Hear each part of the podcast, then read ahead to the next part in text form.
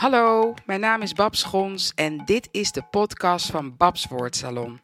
En in deze literaire en muzikale revue komen performers uit verschillende nesten samen. Van spoken word artiesten, romanschrijvers tot singer-songwriters, essayisten en andere woordkunstenaars.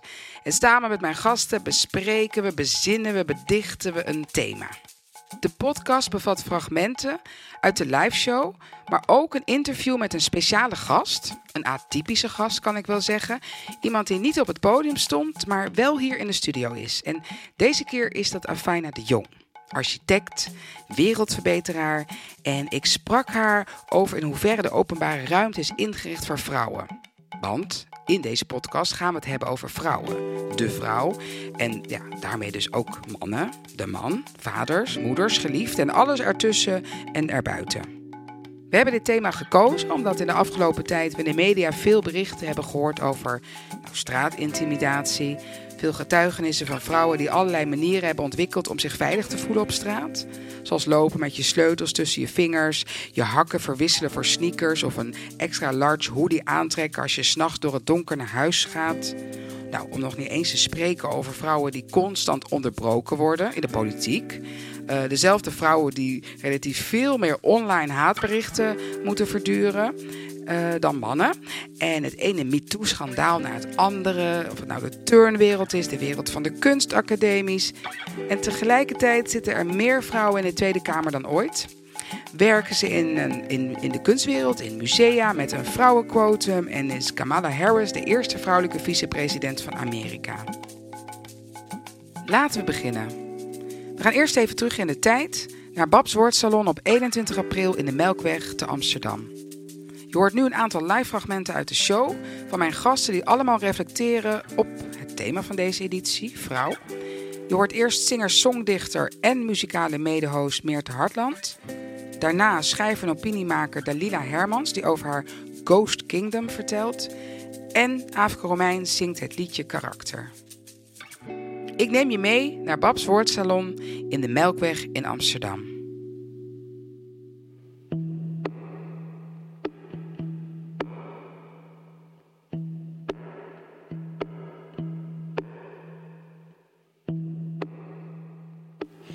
Vrouw van ijzer, heet gesmeed, zacht.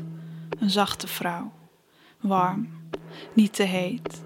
Een vrouw en een half, hard en half zacht, rauw, medium rauw. Een perfect doorbakken vrouw. Een vrouw die niet bloedt. Een jonge vrouw, een vrouw zonder kinderen, eventueel met kinderen, als ze mooi is, als ze niet liegt over haar leeftijd. Een vrouw die niet liegt, geen rimpels heeft, dun is en zacht, mager maar rond.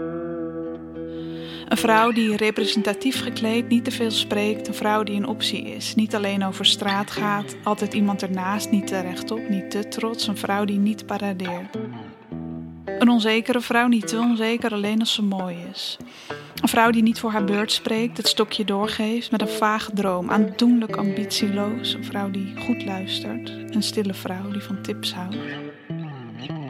Een vrouw met ambitie, niet te veel ambitie. Een vrouw zonder ambitie, die weet waar ze voor staat, niet echt weet waar ze over praat, niet echt weet waar ze het over heeft, die wanneer je haar feedback geeft, stilzwijgend uit het raam staart. Een vrouw die mooi is, een makkelijke prooi is, omdat ze niet mooi is, mooi en seksueel is, niet te seksueel is. Een vrouw die niet seksueel is, een vrouw met een ideaal, met een ideaal lichaam. Een lichaam niet van haar, een vrouw zonder lichaam. Een vrouw met een leeg hoofd. Een vrouw die is uitgedoofd. Een vrouw die niet klaagt. Een vrouw die tijdens vergaderingen niet praat. Een zwarte vrouw die tijdens vergaderingen niet praat, maar wel op de website staat. Een vrouw die niet boos is. Een vrouw die over andere vrouwen klaagt. Een vrouw die samen met andere vrouwen over andere vrouwen klaagt. Een vrouw die je daar zo druk mee heeft dat ze zwijgt terwijl het salaris niet stijgt. Een vrouw die het antwoord wel weet, maar de vraag niet krijgt. Een vrouw die geen ruimte vraagt. Een vrouw die niet praat. Een vrouw die niet bestaat.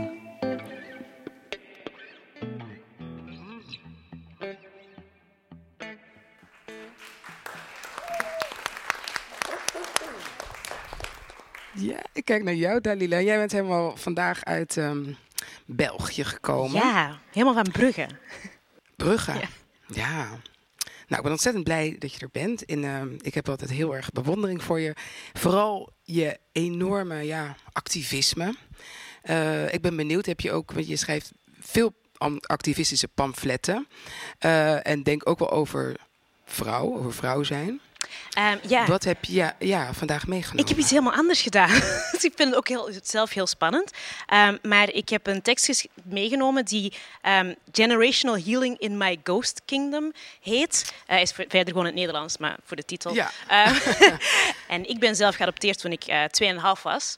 En ja, één ding dat mijn moeder mij niet heeft kunnen meegeven is uh, hoe het is om op te groeien als zwarte vrouw. Mijn moeder is een, is een uh, hele fijne, fantastische uh, witte vrouw. En um, ik heb intussen veel geluk gehad en mijn biologische moeder ook leren kennen. Um, maar ja, het blijft toch altijd zo die vraag van hoe zou het leven eruit hebben gezien, zowel voor mijn biologische moeder als voor mezelf, als die hele adoptie niet gebeurd was. En dat is eigenlijk um, wat dan een ghost kingdom wordt genoemd. Zo het, universum waarin je zou leven als je niet uh, geadopteerd was. Voilà. Dat is veel uitleg, maar ik Mooi. ga gewoon beginnen, beginnen lezen. Ja. Ze was de dochter van de dokter. De eerste in haar dorp. Geboren op een zondag toen de zon de aarde deed branden en de geluidsgolven van de oerkreten die haar moeder slaakte, verdwenen in het trillende beeld aan de horizon. Ze was hun zondagskind, hun zonnekind. Op blote voeten danste ze op het ritme van alle dag. Naar school, naar de kerk, naar de markt. Daar kuste ze avocado's, aaide bakbananen, fluisterde ze zoete aardappels. Zoete dagen werd ouder, werd wijzer, studeerde bij het peertje in de koele woonkamer, reed achterop moto's over rode aardewegen, danste op zijn ritme na een tijd. Hij was haar zondagskind, zonnekind, beste vriend. Het feest was mooi en duurde lang. Speeches, plechtigheden, waaiers in vrolijke kleuren om de zweetparels van de bovenlippen die in een glimlach krulden weg te wapperen. Eten, drinken, dansen. De dorre aarde even vergeten. Samen vertrokken ze. Het onbekende tegemoet. Een nieuw leven, beter leven, avonturen onontdekt. Hand in hand en eentje op haar buik. Het was koud toen ze landden bitterkoud. Hun adem vormde wolkjes in de donkere lucht van Zaventem. Rooksignalen naar huis. Aan haar dochters kon ze het niet vertellen. Hoe ze vroeger avocados kuste, hoe hij haar vroeger kuste. Voor het koud was. Wanneer ze de borstel over de vloer haalde in de woonkamer die leek op de koele kamer in het huis van de dokter waar ze studeerde bij het peertje, dacht ze na. Niet over gemiste kansen, andere landen, maar over hoe ze hen zou hard maken. Hard maken voor de wereld hen zou zwart maken. Haar zonnekinderen zouden schitteren. En dus kon ze het haar dochters niet vertellen. Wat ze niet kon weten, wanneer ze een dweil uitperste boven de emmer die eigenlijk al lang volliep, wat ze niet kon weten als ze op haar lip beet om hen niet te verbeteren, ook al wist ze zoveel beter. Wat ze niet kon weten, is dat zij het wel wisten. Haar verdriet zat gegraveerd in hun genen. Haar vreugde en haar zon ook. Zij wisten het heus wel. En s'avonds lazen ze het sprookje aan elkaar voor. Er was eens, lang geleden, in een land hier ver vandaan, een zonnekind geboren voor zoete dagen. Een prinses, een koningin, een strijder, een heldin. Lang geleden, in een land hier ver vandaan. En nu, nu is ze hier.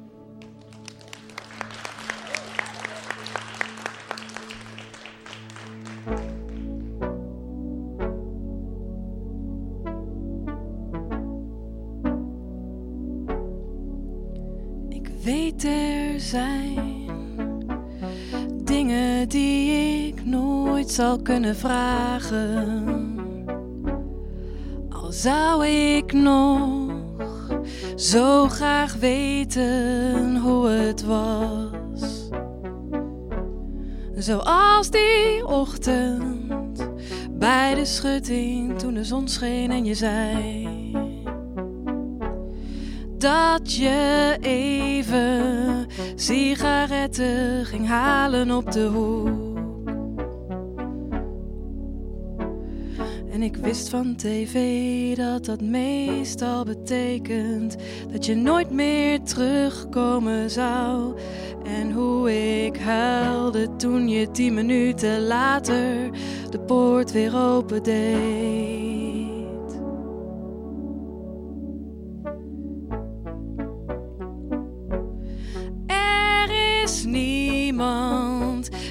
ik zo graag voor altijd bij me zou houden.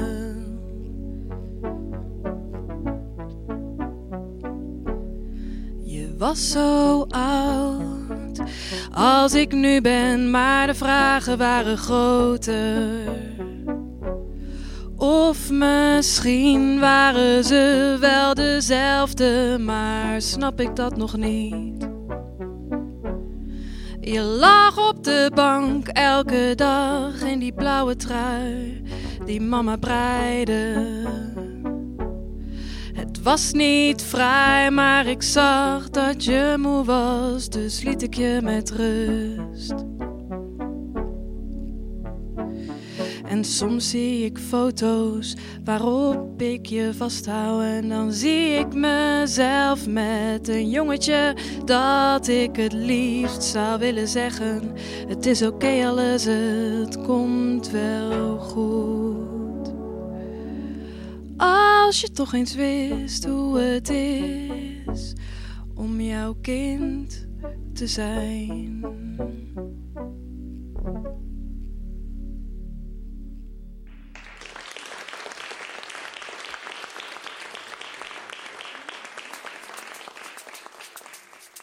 Ga er maar aan staan. Dit thema aanpakken. Want wat is in vredesnaam een vrouw? En hoe duid je een vrouw? En wat betekent het om vrouw te zijn? En was het niet Simone de Beauvoir die schreef dat vrouwen niet worden geboren, maar worden gemaakt? Want hoe maak je een vrouw? En, en dat is zo tof, want dat al deze gasten weer vanuit een andere invalshoek, met een andere bril, uit een andere ervaring of soms zelfs uit een andere wereld ernaar kijken. We hebben nog meer performances. Ik presenteer heel graag spoken word dichter Sjaan Flikweert met een stuk over de ervaringen van drie generaties vrouwen. Daarna hoor je mijn eigen stuk, Als je nooit. Maar eerst dichter, schrijver en columnist Esther Naomi Perquin, die zich liet inspireren door haar werk in een gevangenis. Ik laat haar zelf aan het woord. Ik uh, moest ineens denken aan de, de tijd dat ik in de gevangenis werkte. Dat heb ik jaren gedaan, uh, fulltime. Het was heel fijn, want ik had een echte uniform en ik zag er heel intimiderend uit, zoals je begrijpt.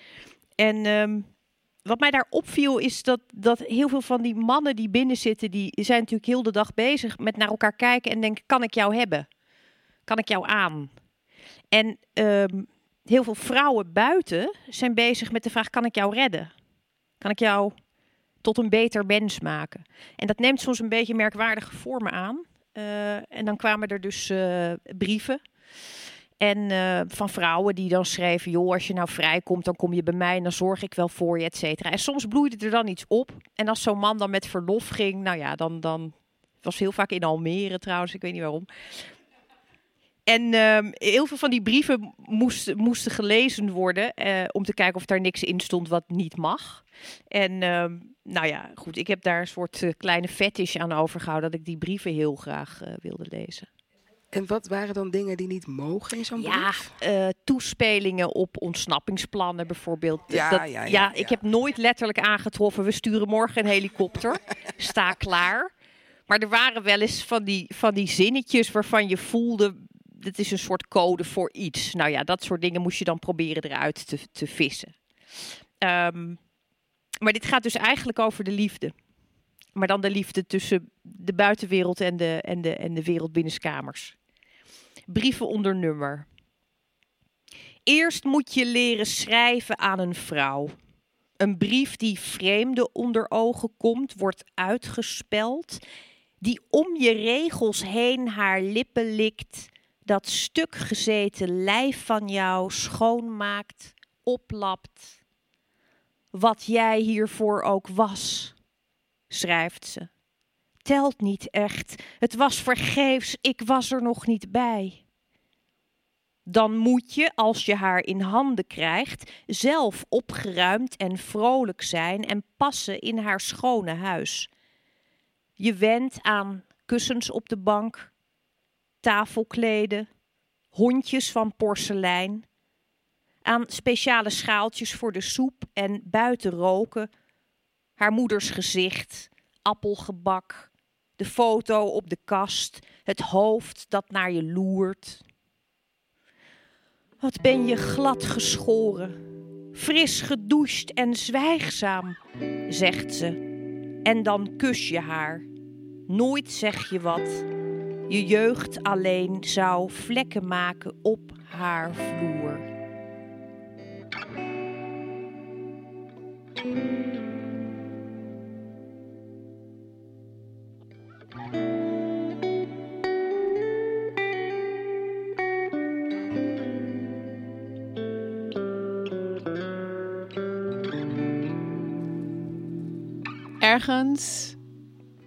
in dit universum, in dit zonnestelsel, binnen de dampkring, onderhevig aan de zwaartekracht, volgens de regels van de samenleving, in verhalen over helden en hoe wij toekomsten verbeelden, ergens tussen stenen, kozijnen, cement, onder daken, tussen voegen, in de doorzitplek op de bank, onder seizoensdekbedden willen we thuiskomen. Ergens tussen erfstukken van grootmoeders willen wij heel zijn. De deur sloeg dicht. Ik aan mijn moeders hand, dezelfde waarmee zij woest haar middelvinger naar opa had opgestoken. En toen wij zijn huis uit waren gelopen, bleef oma ongeroerd in de zitstoel, waar ze altijd trots haar kunstgebit blootgaf. Haar natuurlijke tanden verbrijzeld door het verbijten. Mijn moeder had voor mij iets anders in gedachten. En toen wij de trein weg van dit alles hadden genomen, toen gingen wij naar huis. En die dag was thuiskomen als thuiskomen. thuiskomen,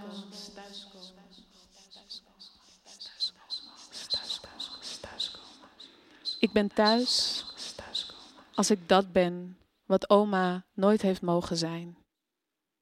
Mijn moeder leerde mij heimwee te hebben naar een plek die ik nog niet ken. Zij zei: stenen worden tot muren gestapeld, meisje. Huizen waar onze regels niet gelden, waar genot verhongert.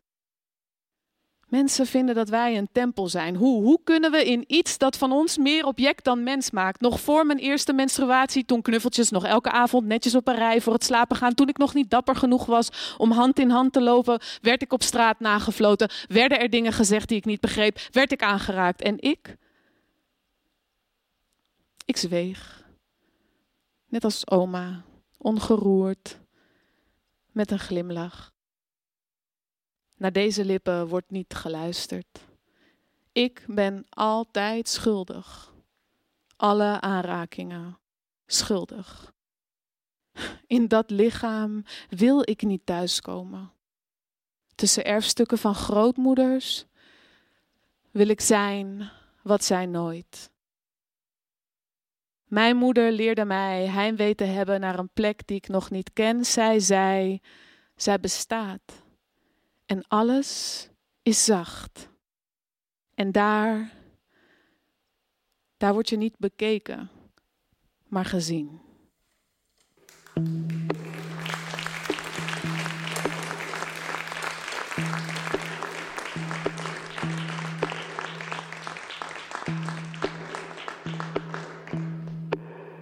Ik wil nog een laatste stuk uh, delen. En um, normaal introduceer ik dat niet, maar dit is, heb ik een jaar geleden geschreven um, voor Trouw. Um, en de laatste tijd komen steeds zinnen terug dat in dat stuk staan. Wat, wat verdomde jammer is dat het nog zo actueel is. En het zal het ook nog heel lang blijven, vrees ik. Maar ik dacht, nou, als je nooit in haar schoenen hebt gelopen. Niet met je sleutels tussen je vingers in het donker bent gefietst. Een extra large hoodie over je jurk hebt aangetrokken.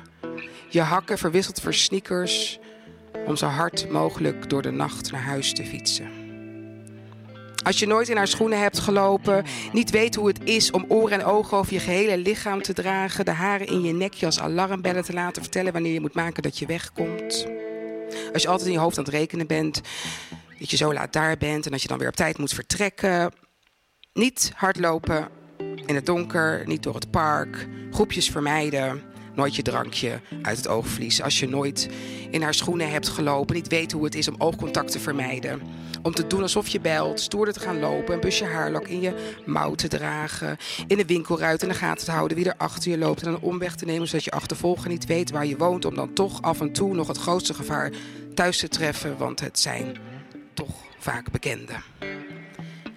Als je niet weet hoe het voelt om opeens geen adem meer te kunnen halen omdat iemand opeens een deur in het slot draait en de taxi onverwacht afslaat. Als je niet weet hoe het voelt om niet gehoord, niet geloofd, niet geholpen te worden. Om de volgende dag gewoon weer een nieuwe dag te moeten beginnen. De verse wonden, de littekens, onzichtbaar onder je huid, onder je kleding. Van achter een glimlach proberen de dag door te komen. Vertel haar dan nooit wat ze moet doen. Wat ze moet dragen, dat ze moet baren, hoe zich te gedragen. Wanneer te bewegen, wanneer te spreken, hoe ze haar lichaam, hoe ze haar leven. Maar leer de wereld nou toch van haar te houden. Zo hard dat ze bijna nooit meer achterom hoeft te kijken. Zo hard dat ze mag dansen wanneer ze wil, gaan waar ze wil. En laat de wereld nou toch hardgrondig, hartstochtelijk van haar houden.